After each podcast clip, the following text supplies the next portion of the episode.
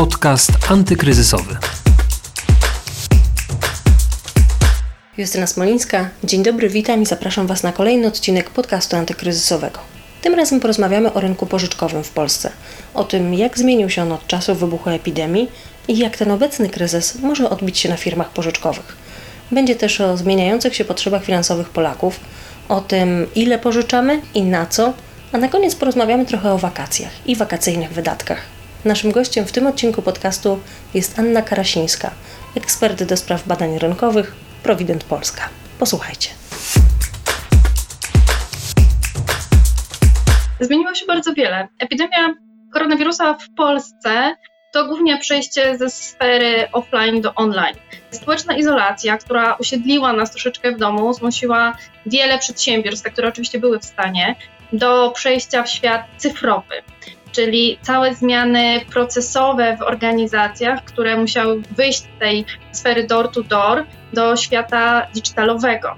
Te organizacje, które wcześniej miały jakieś próby, były na to gotowe, powiedzmy, że wyszło obronną ręką, pozostałe albo się tego nauczyły, albo no tutaj były mocno stratne. Więc to jest taka pierwsza podstawowa zmiana, jest zmiana operacyjna dla firm, ale również dla klientów, bo przecież klientami firm pożyczkowych są również osoby, które na co dzień nie były bardzo zaangażowane w ten świat cyfrowy. Także tutaj są bardzo istotne zmiany takie procesowe. Oczywiście zmianami, które dotknęły branżę pożyczkową. Są też te zmiany regulacyjne, które weszły 31 marca, czyli limit maksymalnych kosztów pozaodsetkowych nałożonych na branżę. To są również zmiany z, wynikające z kosztów ryzyka kredytowego. Także to jest szereg, szereg drobnych elementów, które faktycznie rekonstruują teraz tę branżę. Niektóre zmiany są oczywiście na plus, powiedzmy, że wspomogły pewną zmianę, pewną digitalizację obszarów, a niektóre, no jak to w zmianach, niekoniecznie pogdybajmy w takim razie trochę. Czy jakoś ten kryzys odbije się na firmach pożyczkowych tak trwale? On wpłynie, zmieni pewne zasady już na dłużej? Na przykład ta digitalizacja. Czy teraz firmy pożyczkowe będą z klientami łączyć się online? Co jeszcze mhm. się zmieni i co może zostać z nami na stałe e, z tych zmian, które wymusiła epidemia? Staramy się to bardzo szczegółowo prognozować, natomiast konia z rzędem temu, kto będzie wiedział, jak będzie ten nasz świat wyglądał, kiedy już powrócimy do normalności, czy ta normalność to będzie taka, którą już znaliśmy, czy ten świat już przestał istnieć, czy jest w ogóle cień szansy powrotu do niego. Na pewno ludzie nauczyli się, nasi konsumenci, nasi klienci nauczyli się korzystać z online'u, z możliwości, które im daje internet, aczkolwiek pozostaje taka trwała grupa osób, które albo nie mają urządzenia, które mogliby odbierać e, sygnał internetowy, albo z różnych powodów nie wchodzą w ten świat internetowy i tutaj faktycznie musimy wymyślić takie rozwiązania, które będą i mobilne i jednocześnie odpowiadały na te potrzeby. Ale tak, no z badania firmy 4P wiemy, że 26% osób, które do tej pory albo w małym stopniu korzystały z internetu, albo w ogóle nie korzystały, zaczęły. Więc to jest ogromne, jak sobie to przełożymy na liczbę na poszczególne jednostki, to jest ogromny wynik. Proszę powiedzieć, że za tymi 26% są konkretne jednostki, konkretni ludzie, więc to jest naprawdę potężna siła. Nie unikniemy tego, że wejdziemy w świat y, online. To tylko przyspieszyło pewne procesy. Czy ten kryzys jeszcze jakoś się odbije na firmach pożyczkowych? No to z pewnością musimy powiedzieć, że średnia wartość pojedynczej pożyczki w kwietniu tego roku spadła o blisko półtora tysiąca a szacunkowa taka liczba odsetek właściwie wszystkich pożyczek niemalże o połowę także rok do roku, jeżeli patrzymy na kwiecień.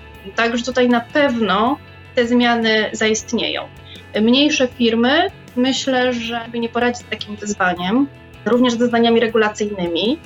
Większe starają się przystosować, natomiast no, musimy też sobie zdać sprawę z tego, że to jest taki system naczyń połączonych nasz rynek.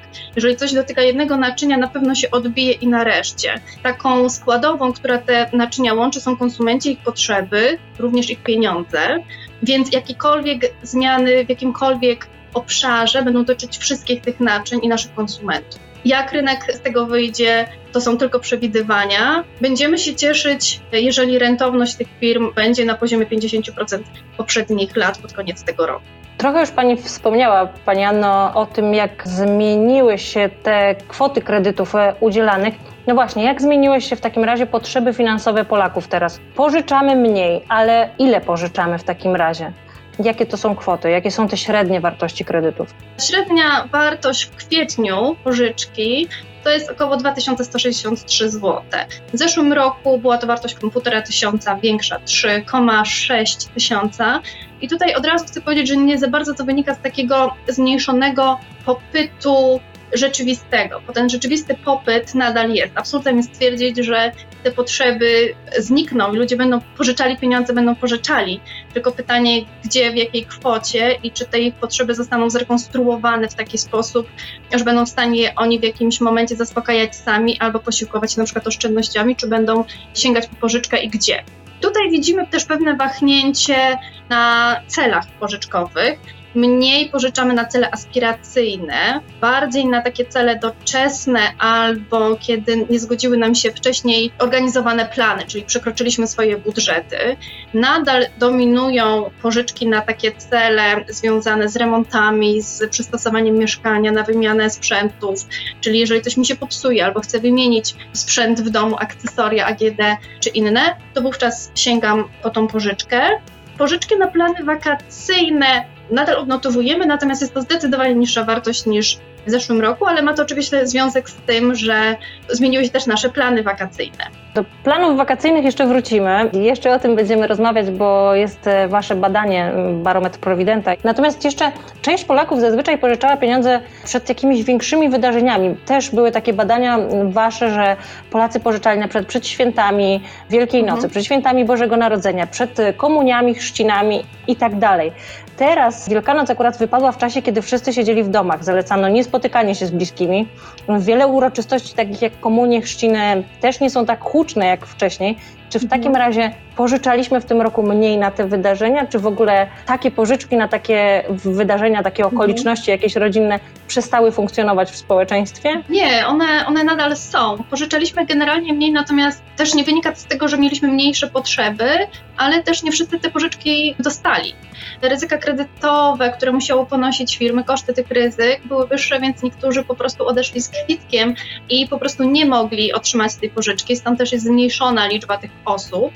Natomiast na pewno ten odsetek osób, które pożyczały bardziej, nie chcę powiedzieć beztrosko, ale właśnie aspiracyjnie na przyjemności, uległ zmianie, bo zmieniły się nasze plany. Nie jeździliśmy już y, na święta do rodziny, nie robiliśmy wielkich podarków, nie szykowaliśmy wielkich imprez z tym związanych, więc faktycznie w tym czasie lockdownu, tej kwarantanny społecznej, te potrzeby pożyczkowe zostały delikatnie zmniejszone. Mówiła Pani o tym ryzyku też kredytowym. No właśnie, zostały zaostrzone te wymagania względem osób wnioskujących o pożyczkę. Zauważyliście wzrost e, liczby odrzuconych wniosków. O ile, jak dużo takich osób właśnie nie dostało kredytu, nie dostało finansowania? Mhm Ile to jest w porównaniu z poprzednim rokiem? Ja myślę, że śmiało tu możemy powiedzieć, że są to okolice połowy takiej liczby, którą mieliśmy w zeszłym roku. I tutaj trochę wygrały te osoby, które były lojalnymi, dobrymi klientami takich firm, ponieważ pożyczki przy obecnych obostrzeniach regulacyjnych stają się dla wielu firm mało rentowne. Musimy sobie zdać sprawę, że taki koszt dla firmy pożyczkowej udzielenia tej pożyczki jest znaczny. To jest koszt uzyskania samej tej kwoty, koszty operacyjne, koszty poniesionych ryzyk. I w momencie, kiedy regulacje zamykają nam tą kwotę maksymalnie do 21%, a często firmy muszą te koszty przekroczyć, one się stają nierentowne, więc dla tych osób, dla których ten koszt ryzyka jest na przykład dużo wyższy, tych pieniędzy nie dostaną. I tutaj, tak jak podkreślam, opłacało się być dobrym klientem, lojalnym klientem, klientem, który spłacał regularnie swoje zobowiązania, bo również ten ranking w firmach przy tych osobach zdecydowanie wzrósł i one dostawały te pożyczki, natomiast też nie są to kwoty paru dziesięciotysięczne, one są zdecydowanie mniejsze, ponieważ firmy muszą oczywiście sobie te ryzyka i koszty szacować. Kto ma w takim razie, mówi Pani o lojalnych klientach, ale to odwróćmy to mhm. trochę, to kto ma mniejsze szanse na kredyt w takim razie, na finansowanie, na pożyczkę, kto miał problem, żeby takie finansowanie uzyskać? Mhm. Są to zdecydowanie osoby, które nie mogą pochwalić się stałym zatrudnieniem czy wieloletnim zatrudnieniem, dobrą historią kredytową. Ale zanim do tej historii kredytowej dojdziemy, czyli zanim zaczniemy pytać BIG o tą historię kredytową, to muszą przejść te osoby taki wewnętrzny scoring firm. Czyli bardzo często są to osoby młode, które, bardzo młode powiedzmy, które jeszcze zdaniem wielu firm nie mają takich doświadczeń finansowych, albo to gospodarowanie ich portfelem może być niepewne. Są to osoby, które dopiero zaczęły pracę, albo ta praca jest na innych warunkach niż umowa stała o pracę, które nie posiadają innego dochodu stałego, który gwarantuje spłatę tych zobowiązań. No wiemy, że pożyczka również musi być spłacona. Więc to są wszystkie te zmienne, które mogą wpływać na spłacalność klienta. No to wróćmy do tego tematu, na co wydajemy najczęściej te pożyczone pieniądze. Co z wakacjami? Skoro jest sezon wakacyjny, to o wakacjach porozmawiajmy. Zmieniły nam się plany wakacyjne, bo to wiemy, ale czy zmieniła się planowana suma wakacyjnych wydatków, e, to ile chcemy wydać na wakacje? Wdrożyliśmy jakiś plan oszczędnościowy? No, zmieniły się te plany drastycznie. Tu jest taka jedna ciekawa informacja, ponieważ odsetek osób, które planowały spędzić wakacje w kraju, wzrósł tylko o 6 punktów procentowych. To jest wartość 38 kontra 44%. I ta zmiana jest, ale ona nie jest jakaś taka przybijająca, dominująca. To, co się bardzo zmieniło, to naprawdę spadek odsetek osób, które planowały wyjazd zagraniczny.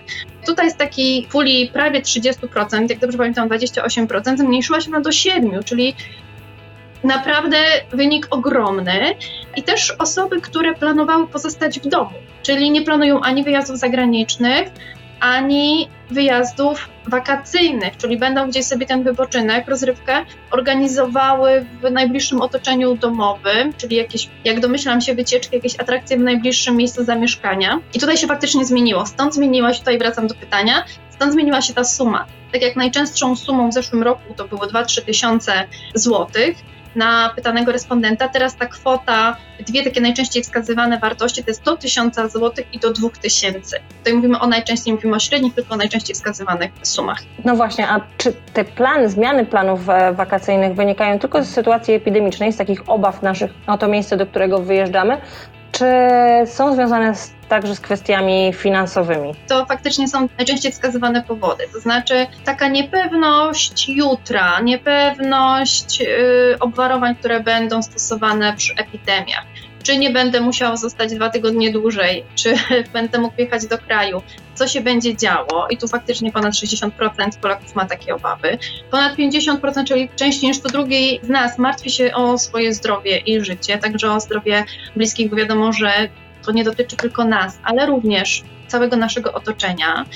Obawa o kondycję branży turystycznej, o logistykę naszego wyjazdu. To jest trzeci najczęstszy wskazywany powód. Czy będę miał czym wrócić, czy będę miał gdzie spać, czy to, co było w ofercie, faktycznie zostanie zrealizowane. To zaufanie do branży zostało tutaj bardzo mocno jest testowane. I na czwartym miejscu obawa o fundusze. Sumując wskazanie odpowiedzi, które wskazują na utratę pracy i chęć oszczędzania środków, czyli albo mnie nie stać, albo zaciskam pasa, bo nie wiem co będzie, no to jest sumarycznie 25%, czyli taki co czwarty z nas faktycznie skraca te wyjazdy albo odwołuje wyjazdy, czy planuje je w inny sposób w obawie o finanse. Dziękuję bardzo. Naszym gościem była Anna Karasińska, ekspert do spraw badań rynkowych Provident Polska. Dziękuję. To już wszystko na dziś. W kolejnym odcinku porozmawiamy o ekologii i o tym, jak do tego tematu podchodzą największe firmy. Już teraz zapraszam Was do wysłuchania tej rozmowy, a wszystkie odcinki znajdziecie na pb.pl ukośnik antykryzysowy i w aplikacjach podcastowych. Justyna Smolińska, do usłyszenia. Podcast antykryzysowy.